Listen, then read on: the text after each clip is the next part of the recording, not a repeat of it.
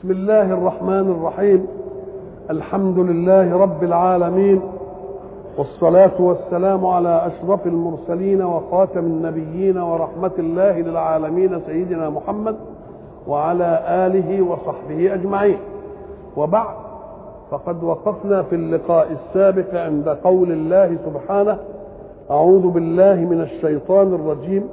هو الذي جعل لكم الليل لتسكنوا فيه والنهار مبصرا. هنا بقى اللي بينشأ منه الإشكال إنك أنت تدخل نوع في مهمة نوع. تدخل نوع في مهمة إيه؟ نوع. يعني تيجي لليل وتقعد سهران للصبح في الفيديو وفي المش عارف الإيه وفي الإيه. والضوء عمال في عينيك. ده الليل ده ربنا قال عشان الضوء يمتنع لأن الضوء ده بعدين هيثبت. آثار الأضواء في الأجسام آثار الأضواء في الكائن الحي. والنبي يقول أطفئوا المصابيح إذا رقدتم شيء شوية ده بده يخلي الجسم حتى ما ينشغلش بإشعاعات الضوء لأن إشعاعات الضوء هيبقى لها عمل كهربي في الجسم. فيجي الليل هيزينه إيه؟ ظلام. إحنا قلنا زمان لما قالوا الريف والكهرباء تيجي فيه قلنا يا ناس خدوا الحضارة مقعدة بقاعدة. قبل ما تقولوا ننور الريف اعملوا قاعدة لتحضير الإنسان اللي في الريف بحيث ما يخليش الضوء طول الإيه؟ لأن ده هيتعبه. وده ظهر ولا ما ظهرش؟ يبقى إيه اللي اتحضر اتحضر مش الإنسان اتحضرت الآلة. اتحضرت الإيه؟ الآلة. إنما الإنسان إزاي؟ أم قال لك لأن الزمن اللي عملته الآلة المتحضرة دي نهبته آلة ثانية التلفزيون راح واخد الزمن ده كله. تحط الثلاجة فيها طبيخ يقضيها أسبوع مش كده ولا لأ؟ وتغسل في نص ساعة أمال الزمن ده راح فين؟ خدوا التلفزيون. الله تبقى آلة خدت آلة. يبقى الآلات هي اللي تحضرت إنما الإنسان ما إيه؟ ما تحضرش. الإنسان يتحضر إمتى إمتى؟ إذا تحضر حضارة منطقية. بمعنى إنه عايز يركب سيارة. نقول له يا أخويا اركب سيارة بس ياك تمشيها على طريق مترف لأن عشان ترتاح لك أنت ساعة في السفر تتعب صدور الملايين من العطر اللي أنت بتعملها. عايز تركب سيارة اضبط الشكمان عشان ما يطلعش الأذى اللي بيأذي الناس في أنفاسها وخصوصا المصدورين ولا المتعبين يبقى عايز تتحضر لازم تتحضر بإيه؟ بسلالم. إنما تتحضر حضارة تلطف تاخد الأشياء كده من من قمتها ده علشان واحد يروح مثلا من مصر لدمياط في سيارة والطريق مش مرصوف شوف يطلع كم طن غبار. يستنشقه كم واحد. ويستنشق حيوانات وزروع على على الجانبين. تتراكم عليها الايه؟ تتراكم عليها الأتربة. يبقى أنت عشان ترتاح يا حضرة اللي راكب سيارة شوف اتعبت قد إيه. يبقى الإنسان هو اللي ما تحضرش إنما تحضرت الإيه؟ تحضرت الآلات. هو الذي جعل لكم الليل لتسكنوا فيه والنهار مبصرا. يبقى اذا لو أخذنا كل نوع بمهمته الأمور ترتاح. ولذلك إحنا في في تفسير قوله سبحانه أعوذ بالله من الشيطان الرجيم. بسم الله الرحمن الرحيم. والليل إذا يغشى. يغطي الأشياء ها. والنهار إذا تجلى. دول جنسين نوعين اثنين لجنس واحد. النوعين اللي هم إيه؟ الليل والنهار. لجنس واحد هو إيه؟ الزمن. ده قال عليه الليل إذا يخشى وده قال والنهار إذا. في ظاهر الأمر إنهم إيه؟ متناقضين. نقول له لا هم متكاملين. مش متناقضين. لأن الليل هو اللي هيدي حركة النهار وحركة النهار اللي هتديها راحة الليل. يبقوا ما تنظرش على إنهم إيه؟ متضادين. نظرت على انهم متضادين تتعب طيب وما خلق الذكر والأنثى؟ والليل إذا يغشى والنهار إذا تجلى وما خلق الذكر؟ برضو الذكر والأنثى نوع للإنسان ولا لا؟ أدي نوعين. يبقى الزمن ليل؟ ونهار. والإنسان؟ ذكر وأنثى. انظر بقى. إن سعيكم لشتى. إن سعيكم يعني إيه سعيكم؟ حركتكم الموصلة إلى غايتكم لشتى يعني مختلفة. يعني لليل إيه؟ وللنهار وللذكر وللأنثى. فإن لخبطنا لازم تتلخبط الحياة. لازم تتلخبط الحياة. ونقعد في مرارة التجربة لحد الأمور ما تتضح لنا وبعدين نقول يا هو ادوا للمرأة نص الوقت يا هو رجعوا المرأة للبيت. يا هو الله. بعد إيه؟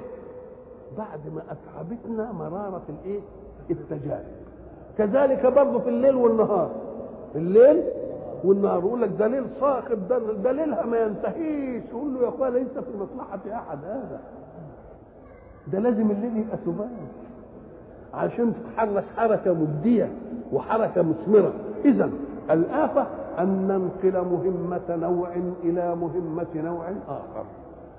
سواء كان في الزمان ولا في الإيه؟ ولا في. ولا في الإنسان. واقرأ جيدا. إن سعيكم لشتى. كل واحد له إيه؟ كل واحد له مهمة. هو الذي جعل لكم الليل لتسكنوا فيه والنهار مبصرا إن في ذلك لآيات لقوم يسمعون. لآيات لقوم يسمعون. نعم. طب وما فيش لمبصرون؟ طب ما هو ده الحكاية بصر أم قال لك خد بالك. حين يتكلم الحق عن زمان يبين فيه مهمته. يبقى الأصل في في الأسلوب إن هو بده يبين. جعل لكم الليل لإيه؟ لتسكنوا فيه النهار قال مبصر مش قال لتتحركوا فيه حركة يتأتى منها الإبصار يبقى الأصل في كلام الليل إيه؟ العلة العلة اللي هي إيه؟ السكون وما دام لتسكنوا فيه يبقى العمدة في الذكر من هنا إيه؟ السمع ليه؟ قال لك لأن في الليل العين ما بتأديش مهمته اللي بيأدي مهمته مين؟ اللي بيأدي مهمته إيه؟ اللي بيأدي مهمته السمع ولذلك إحنا قلنا قل أرأيتم إن جعل الله عليكم الليل سرمدا إلى يوم القيامة؟ عشان تعرف إن التنويع في ليل ونهار دي حكمة. طب ربنا جعل الليل إيه؟ سرمد إلى يوم القيامة. ما حد يعرف يتحرك ولا حد يعرف حاجة ولا حد يتبين حاجة. من إله غير الله يأتيكم بالليل بنهار بضياء. آه نقول أفلا تسمعون؟ ولكن في الآية الثانية قل أرأيتم إن جعل الله عليكم النهار سرمدا إلى يوم القيامة؟ من إله غير الله يأتيكم بليل تسكنون فيه. أفلا تبصرون؟ يبقى عند الضوء قال إيه؟ وعند الليل قال إيه؟ يبقى هو الذي جعل لكم الليل لتسكنوا فيه والنهار مبصرا. إن في ذلك لآيات لقوم يسمعون. بعد ذلك حين يتكلم عن مجال الحركة والراحة في الليل والنهار يتكلم عن الينبوع الذي يجب أن تصدر عنه الحركة. هتتحرك إزاي؟ تروح تعمل إيه وما تعملش إيه؟ أم قال لك حركة وسكون تأتمر فيها بأمر إله واحد. حتى لا تصطدم حركته. إله يأمر بأمر وإله ثاني يأمر بأمر إيه؟ مناقض. يبقى علشان حركة حياتك زي ما قلنا تسلم بوجود ليل يريحك ونهار تتحرك فيه ويبصرك بالأشياء لا بد أن تكون حركتك صادرة عن مين؟ عن آمر واحد. هذا الآمر الواحد هو الله اللي إحنا بنقول لك اعبده لا شريك إيه؟ لا شريك له. فمن قال لك إن في آلهة تانية تقول له هتتلخبط مين؟ هتتلخبط كل واحد يبقى له إيه؟ إذا لذهب كل إله بما خلق. فجاء بعد هذه الآية وقال إيه؟ وقالوا اتخذ الله ولدا. قالوا اتخذ الله ولدا. اتخذ الله ولدا. شوف نفس النص يكذبه لأن لأن لما قلت بيت اتخذ فلان بيتا يعني إن فلان كانت له ذاتية قبل أن يوجد البيت مش كده ولا إيه؟ اتخذ فلان ثوبا يبقى فلان له إيه؟ ذاتية وبها اتخذ وبها إيه؟ اتخذ فإذا قيل اتخذ الله ولدا يبقى قبل ما يتخذ ولد كانت له الذاتية بتاعته مكتملة ولا لأ؟ يبقى الولد جه عمل إيه بقى إن شاء الله؟ الولد متخذ حتى كلامكم يبقى إيه؟ يبقى باطل. الولد ده طبعا اختلفوا فيه. مشركين قالوا ده الملائكة بنات الله. ربنا قال لهم أصطفى البنات على البنين ما لكم كيف تحكمون بقى لما ربنا يعوز ياخد يعني ابن يعني هياخده من الأنثى أو من ينشأ في الحلية وهو في الخصام غير مبين بقى أنتوا تحبوا الذكورة تاخدوها والأنوثة تموتوها وتقولوا لربنا ويجعلون الله البنات ولهم ما إيه؟ ماشي إيه اللخبطة بتاعتكم دي؟ طب لو كان ربنا عايز يتخذ ولد ما يتخذه من زي أنتوا ما بتتخذوا مثلا ياخد القوي ياخد ثم اتخاذ الولد إن كانت الملائكة اللي هي بنات الله أدي واحدة إن كان الأنبياء اللي هم قالوا عزير ابن الله ده اليهود والتانيين قالوا المسيح ابن الله اللي هم النصارى. نقول لهم نيجي بقى نشوف الحكاية دي بتيجي بتيجي إزاي؟ اتخاذ الولد. ما الداعي إليه؟ إيه اللي يدعو إليه؟ إما استمداد من قوته لأن ما عندوش قوة الولد يساعده شوية. هذه واحدة. طب افرض إنه قوي. قام قال لك ما يمكن يضعف. يبقى يعمل إيه؟ اعتماد على قوة تبقى في جيبه واعتداد بها إنها موجودة. فيه فرق بين أن تعتمد شيء وان تعتد بالشيء. لما يجي مثلا راجل يدخل في شكله مثلا وبعد ذلك الراجل ده له ابن. يقولوا له يا أخي ما تشتطش في الراجل ده له ابن لما يجي أقوى منك يجي يضربك قلمين ولا؟ وبعدين يقول ده أنا ليا أولاد أحسن منك يبقى معتد بيه. معتد إيه؟ أو يدخل في الأشياء لا اعتمادا على قوته. يقول له يا أخي أنت تقدر تعمل الحكاية يقول ما الأولاد وياي هيساعدوني يبقى ده اعتدال. يبقى مرة اعتماد ومرة اعتدال. وإن كان ضعيف يبقى امتداد على طول عادي. طبعا قوي وإذا كان بقى هو كويس كده قال لك لا وبعد ما يموت برضه يبقى إيه, إيه؟ يبقى له ذكر. يبقى له إيه؟ ذكر. الحق سبحانه وتعالى يريد أن يبطل كل هذه الدعاوى. ولتكون حياة حركة الحياة حركة متماسكة متلازمة لا متعارضة ولا متناقضة. ينبغي أن يكون المحرك لهذه الحركة إله واحد. هذا الإله الواحد نصدر عنه جميعا والصادر عن أمر واحد لا تعارض فيه. لكن إن صدرت الأوامر عن متعدد تعارضت حركة أناس. ده افعل وده لا يفعل. اذا تصطدم حركة الحياة واصطدام حركة الحياة تبديد للطاقة وإفساد للصالح. لأجل أن يكون الأمر كذلك يجب أن يسلم الأمر كله لإله. هذا الإله منزه منزه عن كل ما تعرفه من الأغيار فله تنزيه في ذاته. فلا ذات تشبه ذاته. ومنزه في صفاته فلا صفة تشبه صفته. ومنزه في أفعاله فلا فعل يشبه فعله. لنضمن هذه المسألة لازم يكون الإله واحد. لكن القوم لم يقولوا بذلك وجعلوا لله إيه؟ شركاء. واللي ما عملش شريك عمل ابن وولد. نقول ال ال الكلمة بتاعتكم اتخذ الله ولدا دي ترد عليكم. لأن معنى اتخذ الله ولدا معنى أن الولد جاء بعد أن وجدت ألوهية مستقلة وبهذه الألوهية اتخذ الولد. زي ما قلنا اتخذ فلان بيتا. قبل ما يتخذ بيت كانت له إيه؟ له ذاتيته القادرة القاهرة الفاعلة وبها اتخذ اتخذ ولدا قلنا اتخاذ الولد ده المشركين يقولوا الملائكة بنات الله. وردنا عنهم قلنا بقى لما ربنا يحب يتخذ هيجيب الجنس اللي أنتم بتكرهوه. بقى اللي أنتم بتكرهوه تودوه توزعوه على ربنا. تلك اذا قسمة إيه؟ تلك اذا قسمة ضيزة ألكم الذكر وله الأنثى؟ مسألة مش مش واضحة نيجي نقول له اتخاذ الولد. الذي أراد أن يبني بيتا ولا اتخذ فلان بيتا. يبقى لابد قعد كده وقال أنا محتاج لبيت. يبقى أول لاتخاذ الحاجة.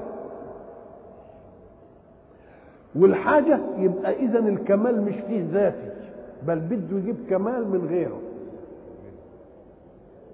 ولذلك هيجي في التسجيل يقول لك سبحانه هو الايه؟ الغني. كلمة إيه؟ الغني يعني المستغني. مستغني عن إيه؟ عن معين كما تستعينون بأبنائكم. وافرض انك انت قوي على العمل وابنك قاعد كده بس تبقى بتعده للإيه؟ للحاجة. وتعتمد عليه. طب افرض انني قوي مش عايز مش عايز يعمل لي حاجة. يقول لك بقى يبقى امتداد لك ولذلك الشاعر هناك يقول أبني يا أنا بعد ما أقضي. أبني يا أنا بعد ما إيه؟ ما, ما. يقول لك من لا ولد له لا ذكر له. كأن الإنسان لما علم أنه يموت لا محالة أراد أن يستمر في الحياة في مين؟ في ولده. ولذلك لما يجي له ولد يبقى إيه؟ مبسوط. ليه ان جات له بنت ما يبقاش مبسوط؟ لأن الولد هو اللي هيحمل الاسم. إنما البنت هتحمل مين؟ هتحمل اسم ناس تانيين. هتحمل اسم الزوج. يبقى الولد هو اللي بيعمل إيه؟ هو اللي بيحمل الإيه؟ هو اللي ولما بقى يجي له حفيد يقول ده ضمن جليك يبقى ضمن إيه؟ يبقى ضمن جلين يبقى لما كان الإنسان متيقنا بأنه طائر إلى الموت لا محالة وهو مستمسك بالحياة ويبد يريد يعيش ولا ولا يمكن أن أن يتم له ذلك. يقوم يبقى ولد يحمل إيه؟ يحمل اسم. لما يجي له ولد يحمل اسمه يبقى ولد. وبعدين يجي له ولد ولد. يبقى ضمن إيه؟ إن اسمه حي إيه؟ يبقى اذا اتخاذ الولد إما استعانة والله غني عن الاستعانة. خلاص؟ اعتداد أنت تعتد بمن يكون أقوى منك ولا أقوى من الله. طيب امتداد للحياة. الله إيه؟ هو الأول والآخر. يبقى إذا فكرة اتخاذ الولد مش واردة على أي إيه؟ على أي لون من الألوان. يجي بعدين يقول لك إيه؟ قالوا اتخذ الله ولدا. يروح مرادفها بقوله إيه؟ سبحانه. كلمة سبحانه دي بقى بتقطع كل إيه؟ سبحانه ليه؟ قال لك لأنه هو غني. هيجيب الآية الثانية غني عن ال... عن اتخاذ الولد ده وغني عن كل حاجة. طيب على أول. كلمة سبحانه أي تنزيها له. والتنزيه ارتفاع بالمنزه عن مشاركة شيء له. لا في الذات ولا في الصفات ولا في الأفعال. فإذا ورد شيء هو لله وصف. ولخلقه وصف إياك أن تاخد الصفة دي زي الصفة دي. يعني تقول الله الغني وتقول أنا قابلت فلان الغني. مش بت... مش كده كده طيب. نقول له لا لكن الوصف هنا ليه؟ قال لك لأن الغنى في الخلق عرض. وفي الله بذاته. عرض ليه؟ قام قال لك لأنه بكرة يبقى إيه؟ يبقى فقير. لو كان ذاتي كان يبقى الغني يفضل إيه؟ يبقى غني، يبقى إذا إذا وجد وصفه الله حي وأنت الآن حي. أحياتك كحياتك؟ دي حياته لا لم يسبقها عدم وأنا حياتي سبقها عدم. وحياتي أنا يلحقها عدم وحياته لا يلحقها عدم. الله موجود وأنت موجود الآن. نقول له لكن وجوده وجود ذاتي ووجودك وجود عرضي اللي بالذات هو اللي ما يتخلفش إنما العرضي ممكن إيه؟ يمكن يتخلف. يقول سبحانه يعني نزه الله. فإذا قال مثلا الحق سبحانه وتعالى له يد. يد الله وفلان له يد. تقول له زي ما هي ذاته مش زي ذاتك وصفاته مش زي صفاتك برضه يده مش زي يدك. له يد لا كالأيد. يد تناسبه. يد إيه؟ يد تناسبه. انت ما تدخلش بقى في التفصيل لأنك لو دخلت في التفصيل وأردت إن المصدق يتضح في ذهنك كده يبقى الله قدر عليه الله قدر عليه ولا يمكن أن يكون القادر الأعلى مقدورا لأحد أبدا.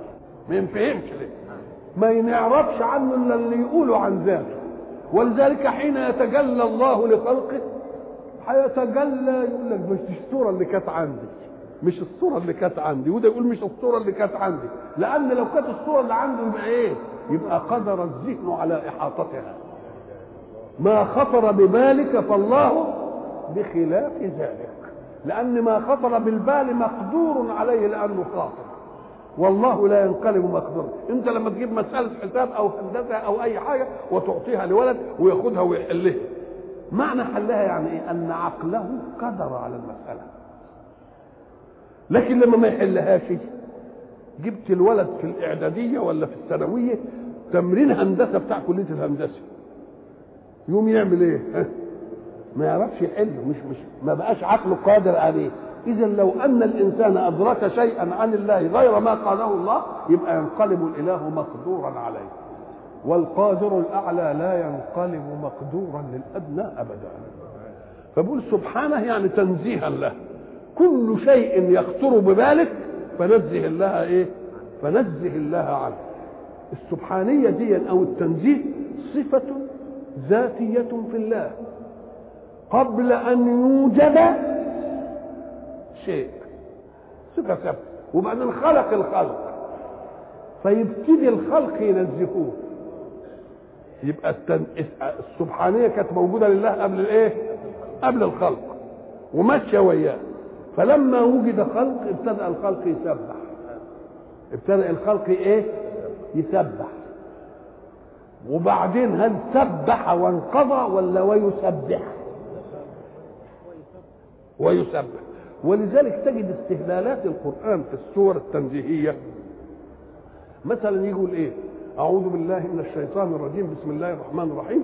سبحان الذي أسرى بعبده ليلا. ليه؟ أم قال لك لأنك أنت اوعى تفتكر إن محمد سرى بالليل. مين اللي أسرى؟ وما دام الله هو الذي أسرى اوعى تقول المسافة والزمن وإزاي راح في ليلة وإزاي راح مش عارف اوعى تقول الكلمة دي لأن مش محمد اللي سار ما قالش محمد انني سريت من مكة للقدس. إنما أسري به الفعل لمين اذا وما دام الفعل لله تقيسه أنت بالزمن والمسافة طب هنمشي وياك. ونقيسه بالزمن والمسافة حسب قانون الحركة والنسبية. تعال وياك. أنت إذا سرت من هنا إلى الإسكندرية على القدم سرت للإسكندرية. تاخدها في قد إيه إن شاء الله؟ في يومين؟ في ثلاثة؟ طيب ركبت حمار. يبقى بده راحة كم كم مشوار؟ ثلاث أيام. طب ركبت بغل جواد يومين. طب ركبت سيارة؟ كم ساعة طب ركبت طيارة؟ طب ركبت صاروخ؟ الله. اذا كل القوة ما تزيد كل الزمن ما يقل. اعتضك وادي نظرية النسبية. نظرية الحركة. كلما كثرت القوة قل مين؟ يعني القوة والزمن يتناسبان تناسبا عكسيا فما دام القوة كل ما تزيد الزمن يقل. وانت ماشي غير وانت في الصاروخ. شوف الفرق قد إيه؟ طب إذا كان الذي أسرى هو الله تبقى قوة من اللي أسرى؟ تبقى انسب الاسراء إلى قوة القوى ثم تجد لا زمن. تجد إيه؟ لا زمن. يبقى يبقى ساعة ما سبحان الذي أسرى يا إياك أن تفهم أن إسراء الله كإسرائك أو كإسراء محمد أو كإسراء غيره لأن الفعل إنما يأخذ قوته من الفاعل. وما دام الفاعل هو الله فانسب الفعل إلى الله تطلع لا زمن. يطلع لا إيه؟ فما دام السبحانية لله استهل هذه الصورة في أدق شيء تكلم فيه رسول الله عن ذاته بأنه صعد به إلى السماء. وبعدين صعد للسماء وبعدين عرج به في الأرض أسري به في الأرض عشان يديله معراج للسماء ليه؟ أم قال لك؟ لأنه إن ثبت أن الناموس قد خلق له فيما نعلم فإذا حدثنا عما لا نعلم نقول نقيس ما لا نعلم على؟ ما نعلم. تطلع صدق ولا مش صدق؟ سبحانه يعني تنزيه. فإذا كانت السبحانية لله تنزيه لله أزلا قبل أن يخلق الخلق. إحنا قلنا إن الحق سبحانه وتعالى قبل أن يطلب منا أن نشهد أنه إله واحد. هو شهد أنه إله واحد. شهد الله أنه لا إله إلا هو. وبعدين شهدت الملائكة وشهد النبيين وشهد أولي العلم. الله. كذلك السبحانية لله إمتى؟ قبل أن يوجد مسبح. ولما وجد مسبح بمجرد الوجود سبح. وهل سبح بمجرد الوجود؟ طب والذي يوجد الآن يسبح. فإذا كان الوجود كله السبحانية لله ازلا. مش كده؟ وبعد ذلك حينما خلق أول خلق سبح لله. وحينما يتكرر الخلق كل يوم إيه؟ يسبح لله. يبقى من الباقي؟ يبقى أنت سبح ولذلك تجد إن سور القرآن سبحان الذي أسرى دي كانت الأول أزلية وبعد ذلك خلق الخلق. فيجي في سورة الحديد يقول إيه؟ سبح لله ما في السماوات والأرض. سبح. ويجي في سورة الإيه؟ الحشر. يقول سبح لله ما في السماوات وما في الأرض ونحن عرفنا في الأرض وما في الأرض من اللي فات. مش كده؟ طب وهل سبح وانتهى؟ يعني قالها مرة كده وسكت. قال لك لا يجي في سورة الجمعة يسبح لله ما في السماوات وما في الأرض الملك القدوس. ويجي في سورة التغابن يسبح لله ما في السماوات وما في الأرض له الملك وله الايه الحمد وهو على كل شيء إيه؟ ما دام السبحانية لله أزلا.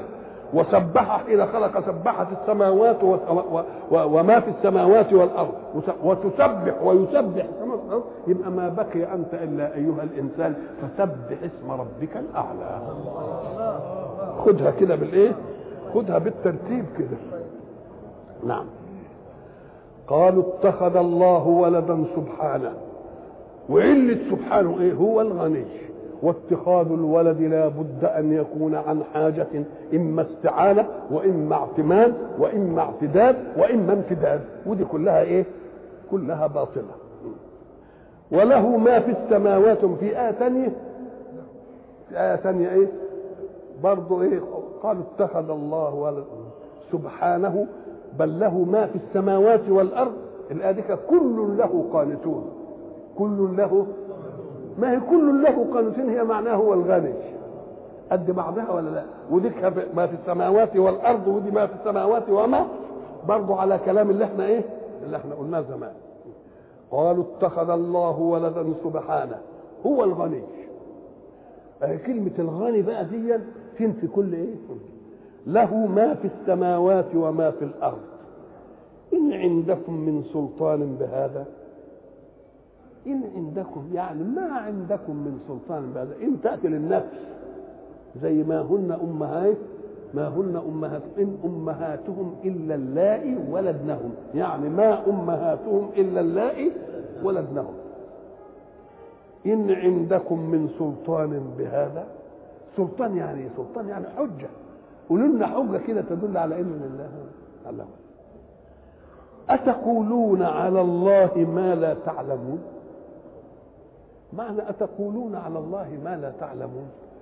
يا ريتكم بتقولوا على نفسكم. أنتوا بتقولوا على بتقول على نفسك قول اللي انت عايز تقوله. إنما تقول على الله. لا. ليه؟ قال لك لأنه لا إعلام عن الله إلا من الله. مفيش حد يعلم عن ربه أبدا إلا إيه؟ هو اللي يعلم عن نفسه. نفسه. نعم. أتقولون على الله ما لا تعلمون؟ قل إن الذين يفترون على الله الكذب لا يفلحون. قل ما دام بيقولوا ما لا يعلمون يبقى كذب ولا مش كذب؟ لأن إحنا العلم قلنا العلم هو إيه؟ إدراك قضية مجزوم بها واقعة وعليها دليل. فإن اختل واحد من دول يبقى ما إيه؟ يبقى مش علم. يبقى أمال إيه؟ يبقى يا جهل يا افترى يا ظن يعني. قل إن الذين يفترون على الله الكذب لا يفلحون. دائما تجد إن الحق حينما يتكلم عن الإيمان وثمرته ونهايته يقول لك قد أفلح من زكاها قد أفلح المؤمنون أولئك هم المفلحون. كلها مادة الإيه؟ الفلاح. دي كلها في الأمور المعنوية. أم قال لك لكنها مأخوذة من الأمر الحسي المتصل بحياة الكائن الحي. إيه؟ قال لك لأن الكائن الحي ده مقوماته مقومات وجوده إحنا قلنا إيه هي؟ نفس ومية وطعام. نفس ومية وإيه؟ وطعام. نفس اهي العملية إياها دي من الهواء. والمية اهي من اللي بينزل من الإيه؟ من السماء. أو يستنبط مما تسرب في بطن الأرض على الأول. طب وإيه والطعام؟ إذا الطعام به قام حياتك. الطعام ده جه منين؟ كل أصله من الأرض. كل أصله من الإيه؟ من الأرض. ما دام كل أصل من الأرض يبقى الفلاحة اللي إحنا بنقول عليها فلاحة هي إيه؟ هي السبب الاستبقائي للحياة. فكما إنك أنت لما تفلح الأرض تشقها وتبذر فيها البذر وبعدين ترويها وتطلع لك الايه؟ الثمرة؟ يقال أفلح. يعني إيه؟ انتجت الزراعه بتاعته. فجاب الحصيلة الإيمانية وخلاها إيه؟ فلاح ولذلك قال لك الدنيا مزرعه الآخرة. الدنيا مزرعه إن كنت عايز بقى ثمرة اوعى تفتكر إن الدنيا دي إن الدين حينما يطلب منك شيئا من الدنيا أنه ينقص ما عندك. بل يريد أن ينمي لك ما عندك. وضربنا لذلك مثل الرجل الفلاح عايز يزرع مثلا فدان قمح. بيذهب إلى البيت عشان ياخد من المخزن مثلا ارداب بقمح عشان يعمل إيه؟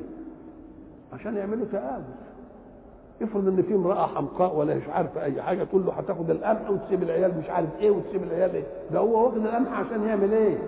هياخد ارداب عشان يجيب لك 10 ولا 15 كذلك مطلوب منك في الدنيا لأمر الله مش عشان ننقص اللي عندك إحنا عايزين نزود الإيه؟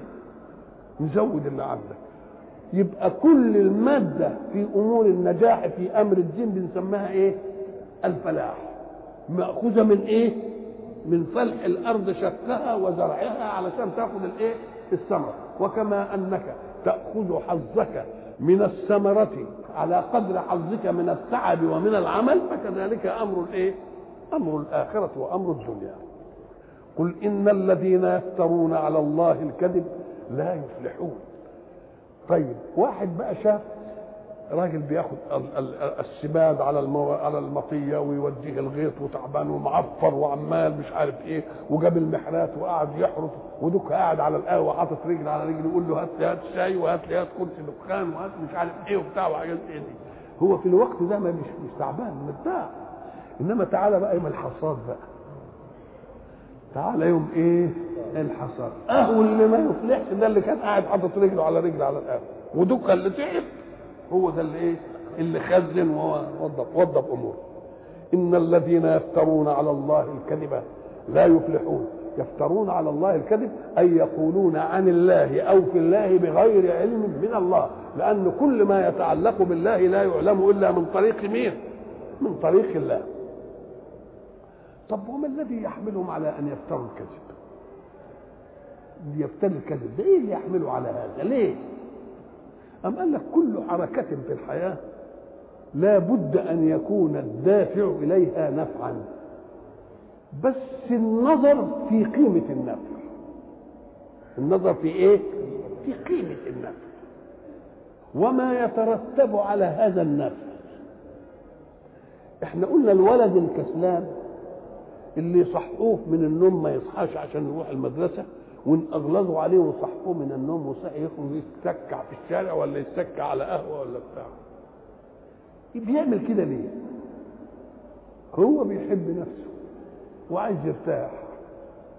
واللي قام من بدري وصلى أو غسل وشه ان كان غسل وكل وراح على مدرسته بكتب ومش عارف إيه وبتاع وحاجات زي دي برضه بيحب نفسه. ده بيحب نفسه وده بيحب إيه؟ لكن ده بيحب نفسه حب أحمق. نظر إلى النفع الآن. إنما إيه هيجر ما نظرش. واللي تعب ده وقام ومش عارف إيه وبتاع وحاجات زي دي ما ما نظرش للنفع الآن. نظر للنفع الإيه؟ بعد خمس ست سنين ده يبقى إنسان له وجود في المجتمع وله كيان وده يبقى صعلوك من صعاليك الحياة. يبقى اذا قيمة العمل على قدر النفع في وقته أم على قدر امتداد النفع منه وضخامته؟ على قدر امتداد النفع وإيه؟ وضخامته الجبان الذي لا يخوض المعارك. يقول لك بيحب نفسه. خايف يموت. خايف إيه؟ يموت. طب والشجاع اللي رمى نفسه في المعركة كده. برضه بيحب نفسه عايز يموت. بس ده نظر إلى الشهادة وده نظر إلى الدنيا. يبقى النظرة للنفع هي اللي بتختلف ولا لأ؟ أرى كلنا يبغي الحياة لنفسه حريصا عليها. مستهاما بها صبا فحب الجبان النفس أورده التقى اتقى الحرب خاف وحب الشجاع النفس أورده الحرب. هنا بقى اللي بيخليهم يفتروا على الله الكذب ويخرصون ويقولوا أم قال لك في عملية؟ انهيار الذات. انهيار الذات يعني إيه؟ الذات يكون لها وجود.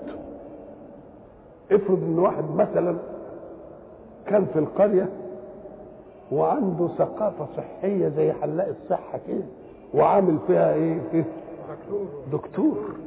كل حاجة فلان خلاص. هو على قد الحكاية كده. وبعدين في ولد من الأولاد بتوع البلد اتعلم في الطب وجيه بقى بالشهادة بتاعته وجيه فتح العيادة ومش عارف. اللي يصيب اللي كان انهيار وانهيار نفسي. انهيار نفسي معناها إنه تضاءل أمام من لا يقدر على دفع. ما يقدرش يقول ده مش يقدر يقول على ما يقدرش. إنما إن كان بقى إن كان عاقل يروح إن كان عاقل وفاهم كده يقوم يروح تحت جناحه. ويبقى تمرجي ويقنع بإنه يبقى تمرجي. وإن كان تاخدوا العزة إن هو اللي كان مقصود وهو اللي متبوع وهو اللي مش عارف إيه يقعد يعاند ويقعد يعمل مش عارف إيه ليه؟ ده خاف على انهيار نفسه. انهيار النفس. لكن لو انه قدر المسائل التقدير المظبوط كما قال الله؟ أنا كنت بعمل طبيب في ميام ما فيش طبيب. إنما ده جيب طب كويس. طب وأنا ليه أنا ما إيه؟ آه. أهي دي بقى عصابة الكفر ورؤساء الضلال حينما يفاجؤون برسول جاء هياخد السيادة لمين مش لنفسه. ده بياخدها لله.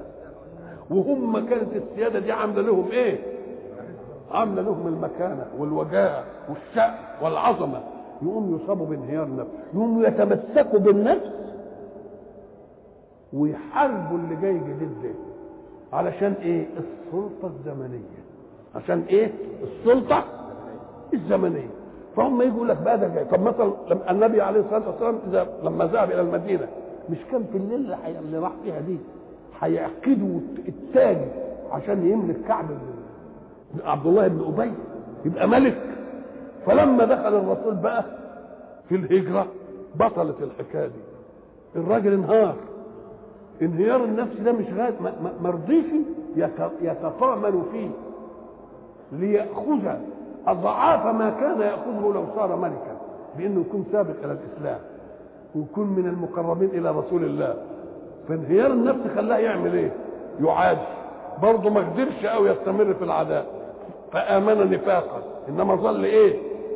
يبقى إذا اللي بيخليهم يقفوا اللي هم قادة الضلال وأئمة الكفر بيقفوا من كل دعوة ليه؟ قال لك شوف القرآن بقى بيقول إيه؟